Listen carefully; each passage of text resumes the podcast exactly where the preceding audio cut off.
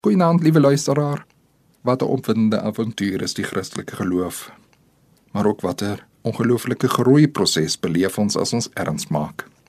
Vanaand kyk ons verder onder die tema van vergifnis. Hoekom is dit so moeilik om die oortreder te vergewe?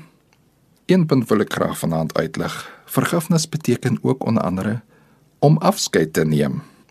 Kyk, dit is baie moeilik om te vergewe as daar byvoorbeeld nie geregtigheid plaasgevind het nie.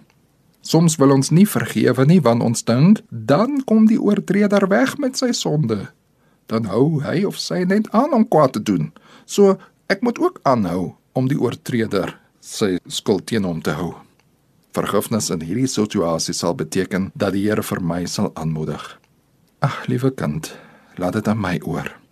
Ek sal geregtigheid laat geskied. Ek, die Here, is in beheer van die hele wêreld en geen oortreding sal ongestraf bly nie. Ek, die lewende God, het beheer selfs oor die grense van die dood. Die wraak behoort aan my. Ek sal vergeld. Jy kan my vertrou. Jy mag van jou eie wraakgedagtes afstand doen. Jy kan maar loslaat. sien op hierdie manier kan ons afskeid neem van die verantwoordelikheid om te moet toesien dat geregtigheid moet plaasvind. Ja, inderdaad, soms mag ons sien dat 'n misdadiger aangekeer word en deur 'n wêreldse hof veroordeel word, maar soms kom die oortreder weg. Althans, so dink ons.